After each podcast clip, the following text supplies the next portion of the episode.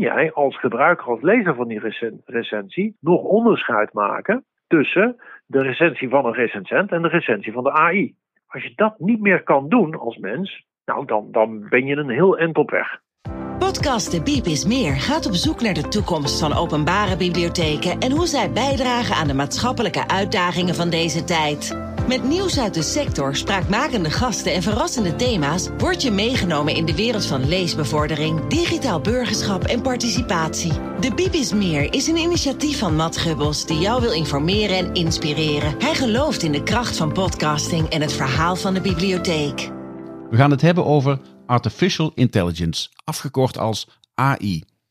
Voor de mensen die het niet hebben meegekregen, die moeten weten dat een aantal weken geleden ongeveer 700 recensenten van de NBD door middel van een e-mail te horen kregen dat hun recensies van boeken voortaan door een machine geschreven gaan worden. En ik heb het dan over de recensies van boeken die gebruikt worden door collectioneurs en selecteurs om hun aankoopbeslissingen op te baseren. De opschudding was zo groot dat de NBD een webinar organiseerde om tekst en uitleg te geven, maar vooral ook om excuses te maken over de gang van zaken. Omdat ik toestemming wilde van de NBD voor het citeren van een aantal geluidsfragmenten, hoorde ik ook de andere kant van het verhaal en werd voor mij in ieder geval duidelijk dat het allemaal iets genuanceerder ligt. Ik heb dan ook met de NBD afgesproken om op een later moment in breder verband het vraagstuk rondom AI nader te bespreken. Om toch alvast de discussie over de inzet van AI te voeren, spreek ik met Patrick Lane van het bedrijf Globoscope. Van harte welkom Patrick en fijn dat jij met een frisse blik naar de bibliotheeksector wilt kijken en in het bijzonder naar dat rumoer rondom de inzet van AI. Jouw bedrijf Globoscope ondersteunt organisaties die informatiegestuurd en datagedreven willen werken.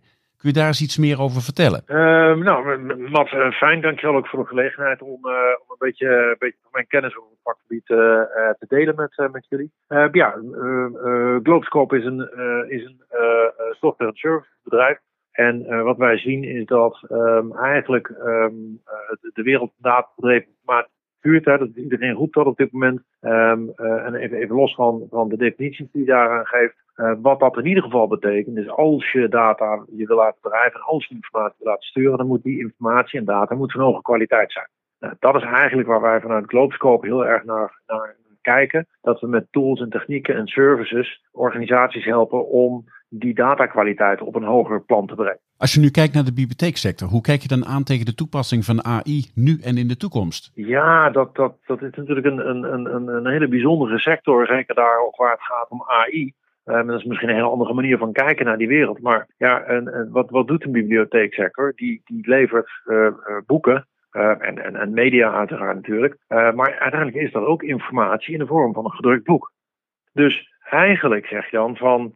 Um, dit, dit, is een fantastisch fenomeen. Ik kom er heel graag. Ik, ik, ben een boekenverslinder wat dat aangaat. En ook gewoon echt een fysieke boek. Hè, gewoon met de kast. Hartstikke fijn in mijn handen te hebben. Maar tegelijkertijd zie ik ook gewoon de, de, de, de, mijn kinderen en de generatie daartussen. Die nemen alles tot zich eh, via een, via een internet, via social media, via touchpads. En dan is er eigenlijk al die informatie in die boeken staat, is dan gedigitaliseerd. Nou, op het moment dat die informatie gedigitaliseerd is, zeg je ja, Um, dan, dan heb ik ook mijn search engines, heb ik ook. En dan gaat die informatie vergelijken rond, uh, rond waar. Volgens mij heb je ook al hartstikke veel platforms en sites waar bijvoorbeeld kinderen zelf verhalen schrijven in vormen van boeken, gewoon hoofdstuk voor hoofdstuk. En ja, dat, dat is een ontwikkeling die voor een bibliotheeksector natuurlijk ja, lastig is, kan ik me zo voorstellen. En aan de ene kant, hè, ik ben dan altijd een beetje van, van hè, waar zit dan de uitdaging in?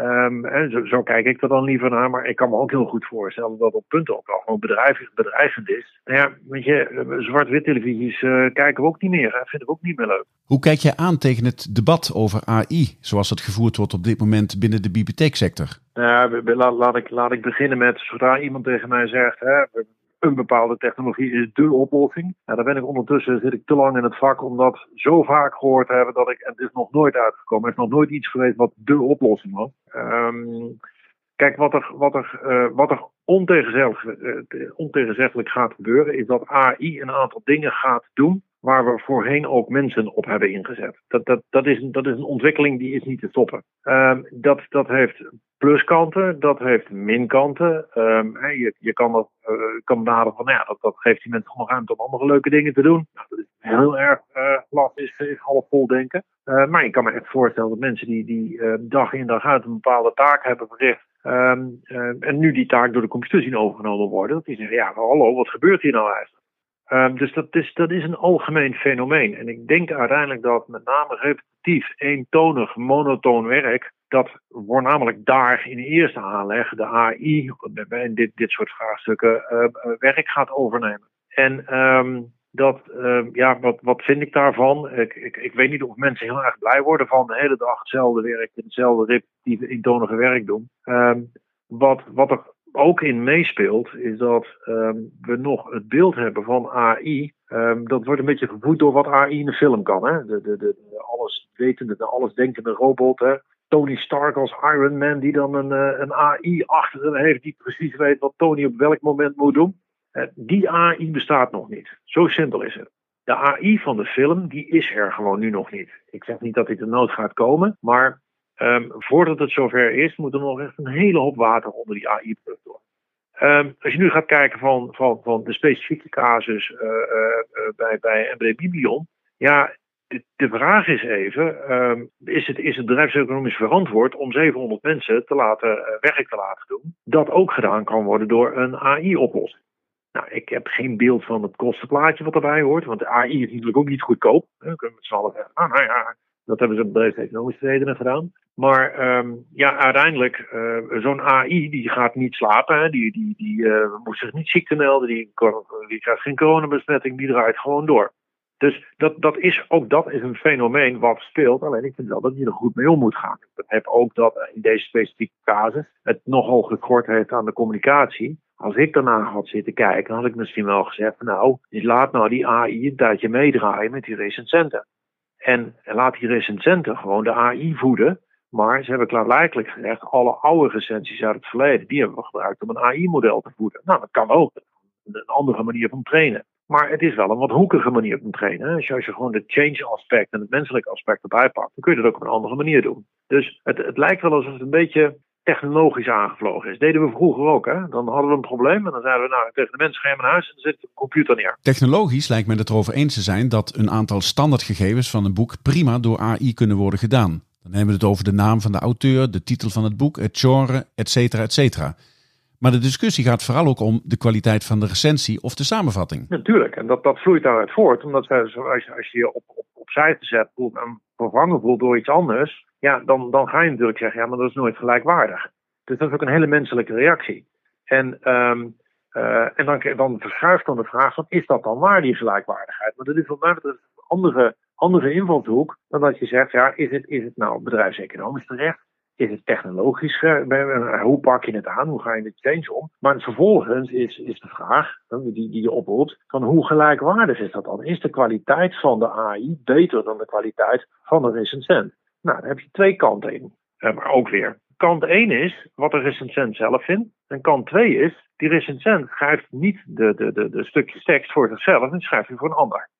Dus ik had bijvoorbeeld het heel leuk gevonden als er gewoon eens een tijdje lang de, recensie, de recensies van de AI gemixt hadden met de recensies van de, uh, van de recensenten, van de menselijke recensenten. En dan bijvoorbeeld een hele bekende Turing-test heet dat, uh, heet dat dan. Kun jij als gebruiker, als lezer van die recen recensie nog onderscheid maken tussen de recensie van een recensent en de recensie van de AI? Als je dat niet meer kan doen als mens, nou dan, dan ben je een heel eind op weg dan is het nog steeds niet gezegd of de kwaliteit van de AI-recensie beter is dan de kwaliteit van de recensent. Maar dan krijg je een heel andere leuke, uh, leuke vraag weer. Ja, wie bepaalt dan wat een goede recensie is? Want je gaat mij niet wijsmaken dat er tussen die 700 recensenten allemaal toprecensenten tussen zitten. Dus, dus je had het ook zo kunnen benaderen. Je zegt, nou laat die AI ieder gegeven naastlopen. Gewoon als één van de recensenten in plaats van hè, al die andere. Maar goed, nogmaals, bedrijfseconomisch kan ik ook voorstellen dat daar een keuze in te maken dus, dus dat is een dimensie hè, van van vindt de recensent dan dat de recensie beter is ten opzichte van de AI? Dus een soort van onderlinge competitie, maar die was er toch al. Dus hè, wat, wat maakt er nou uit dat er in plaats van, hè, er is er eentje extra bij. Dat maakt uit op het moment dat die ene het even goed doet als jou. En het dan vervolgens goedkoper en sneller en slimmer dan nog doordoet dan wordt het vervelend, dan wordt het beangstigend natuurlijk. Hè? Als ik een, een basketbalteam heb en er komt een nieuwe speler in het, uh, in het spel en die kan beter de passes aannemen en die kan beter de shot maken, ja, weet je, dan voel je je ook bedrijf daarin. Logisch, dan moet je, dan moet je iets mee. Um, aan de andere kant, als die, die eindgebruiker, die dan zegt, ja maar het maakt mij niet uit wie de, wie de goal scoort, er maar gescoord wordt. Ja, dan, dan ga je ook zeggen, ja wat maakt het dan, waarom zou de ene recensent dan beter zijn eh, dan de AI of de AI beter zijn dan de, dan de recensent? Dus, maar dat is eigenlijk een, een soort van rationalisatie kijkend naar het probleem. Je hebt nog een volgende dimensie is weer, uh, hoe is die AI getraind? Want er is een hele, hele mooie anekdote, een bekende anekdote in, in de AI-wereld. Ik zal hem proberen kort te houden. Ze hebben AI, hebben ze uh, een, een Chinees spelletje Go getraind om dat te, kunnen spelen. En dat, die training hebben ze gedaan door 40.000 spellen in het AI-netwerk te laden. En op basis van die 40.000 door mensen gespeelde spellen is het AI-net, is, is het Go-AI-netwerk getraind. En toen is dat netwerk, dat AI-Go-netwerk, gaan spelen tegen de wereldkampioen. En die wereldkampioen heeft verloren. Dus AI kan dus al zo slim uh, zijn. Wat hebben ze vervolgens gedaan, een paar jaar later? Toen hebben ze gezegd, ja maar wacht nou eens even. Wat we nu gaan doen, is we gaan een andere AI trainen. Laten we even zeggen, Go 2. En die gaan we niet trainen op basis van 40.000 door mensen gespeelde spellen. Nee, die gaan we trainen op basis van de regels van het spel. Toen zagen ze in het trainingsproces dat die AI hele rare, onvoorspelbare zetten deed. Waarvan mensen zeiden: Oh nee, dat mag je helemaal niet zo doen. En oh, bijzonder, en dat kan helemaal niet. En vervolgens won die. Dus die hebben ze ook getraind. Toen hebben ze vervolgens Go 2 tegen Go 1 laten spelen. En onthoud, Go 1 was getraind op menselijke speelde spellen. CQ door mensen geschreven recensie. En Go 2 was op basis van regels getraind. Van hè, zo speel je dit spel, leer maar je eigen spelstrategie. Ze hebben duizend spellen laten spelen, of honderd, spellen laten spelen, uh, tegen elkaar. En uh, er zijn er 99 gewonnen. Mag jij raden door wie? Ik neem aan Go 2. En dat betekent dus eigenlijk, en dat, uh, ik, ik, gebruik die anekdote ook wel, wel eens in, in, in groepen, dat mensen dan zeggen, ja, maar de mensen blijven altijd slimmer dan AI.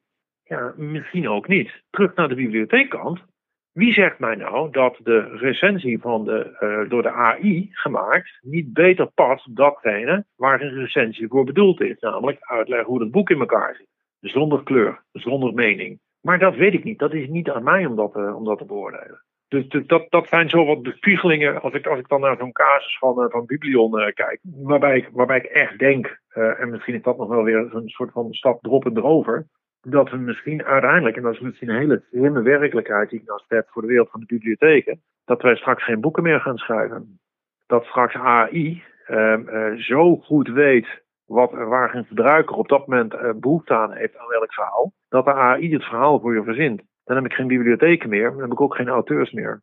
Dat is misschien wel een hele zwarte, zwarte toekomst die ik schets. En die zit wel een beetje in de categorie van, nou, voordat we daar gaan toe zijn, voordat de films eh, de film-AI-werkelijkheid is, zijn we echt wel een behoorlijke tijd verder. Waar liggen volgens jou, Patrick, de beperkingen van AI op dit moment? AI ehm, leert, maar die leert van input. En AI heeft op dit moment nog een beetje de neiging om ehm, te versterken in je beeld. Wat bedoel ik daarmee? Als je AI bijvoorbeeld zou laten uitzoeken wat een leuk boek of laat AI een verhaal schrijven, dan gaat die op voorkeuren van jou, met ervaringen uit het verleden, die met jou heeft gehad, dat is het verleden, wat hij dus gaat doen. En zij creëert een soort van tunneltje, waarin het steeds scherper en steeds beter op jouw behoeften is toegespitst. De, de, zeker in, in, in deze tijden waar, waar uh, nieuws uh, uh, ja, toch een ding is, hè, weet je, wat, wat moet je daarmee? Wat is waar, wat is niet waar? Maar vooral, wat wordt mij aangereikt waardoor ik mijn beeld vorm? Nou, als AI nou Ehm, eh, ehm, zo goed is dat hij de recensie van het boek maakt, maar dat vervolgens ook knoopt aan de behoeften van die lezer, dan gaat die lezer niet meer buiten zijn eigen comfortzone lezen. En dat, dat lijkt me nou tricky. Want er is niks zo mooi, maar dan kijk ik ook weer naar mezelf. Als ik door die bibliotheek heen loop, en dan de bibliotheek bij ons in het dorp, hebben ze dan eh, de, de, een aantal boeken hebben ze boven die plank leggen. En altijd als ik er ben, dan ga ik altijd even gewoon lopen langs die planken heen. Gewoon, zit er een boek tussen, wat triggert me, wat prikkelt me, en tuurlijk zit daar ook een stukje comfortzone in. Want ik kijk, ik ben ook niet gewend om altijd maar alles anders te doen. Maar AI is erop getraind. Alle algoritmes die in de social media gebruikt worden, zijn er allemaal op getraind om hit te creëren en jou te bevestigen in het beeld wat je al hebt. En dat vind ik, dat vind ik gevaarlijk.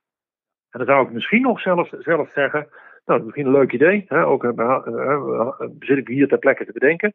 Dat we juist een soort van contra-AI zouden gaan maken. Een AI die erop getraind is om juist buiten je comfortzone een boek aan te leveren. En dat, dat kan dan weer met digitaliteit, met technologie, kan dat wel weer juist heel leuk. In hoeverre zou symboliek en de diepere betekenis van boeken ooit door AI te vangen zijn? Nou, dat, dat is dus eigenlijk waar we het over hadden van vanuit welke optiek schrijft de recensent zijn recensie over dat boek. En wat doet dat met degene die, voor wie die recensie dan bedoeld is? En ja, ik, ik moet dan toch, we toch even denken aan, aan lang, lang geleden, toen, toen we op de middelbare school zaten. Ik kom van een generatie die nog uh, de, de Harry Mulisch uh, op, uh, op de boekenlijst had staan. Dat moest dan ook gelezen worden. En ja, natuurlijk de aanslag. En de aanslag begint dan met de familie.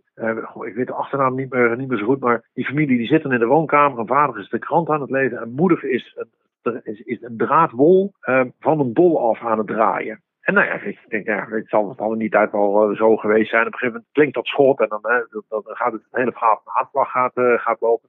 En um, dan moesten we als boek bespreken, moesten we het lezen. En dan zat het allemaal symboliek in het boek, boek verstopt.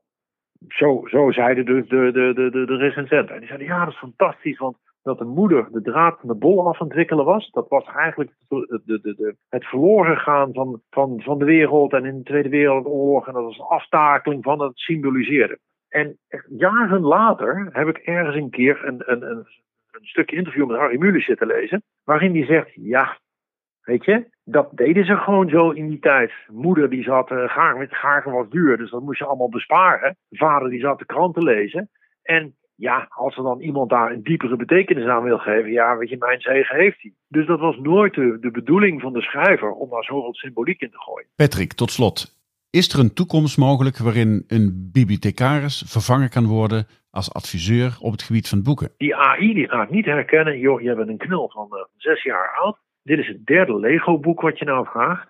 Maar van zes naar zeven ga je de switch maken, een beetje van uh, Lego, Lego naar Lego Technic. Of jij bent 12 jaar oud, je hebt net een boek over computerprogrammeren eh, heb je gehaald. Maar volgens mij ondertussen ja, het zal de tijd zijn om, uh, ik wat anders zou gaan lezen. De vraag is maar of AI dat gaat kunnen.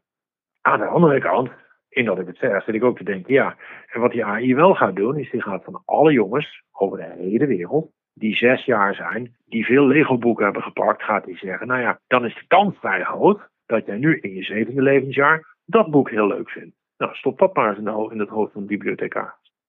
Dus ja, is de toekomst voor de bibliothecaris? Ik, ik denk nu de halve tijd als je met een chatbot op het internet, of als je, als je een, uh, een chatbox zit op het internet, daar zitten echt geen mensen achter, er zitten gewoon computers achter.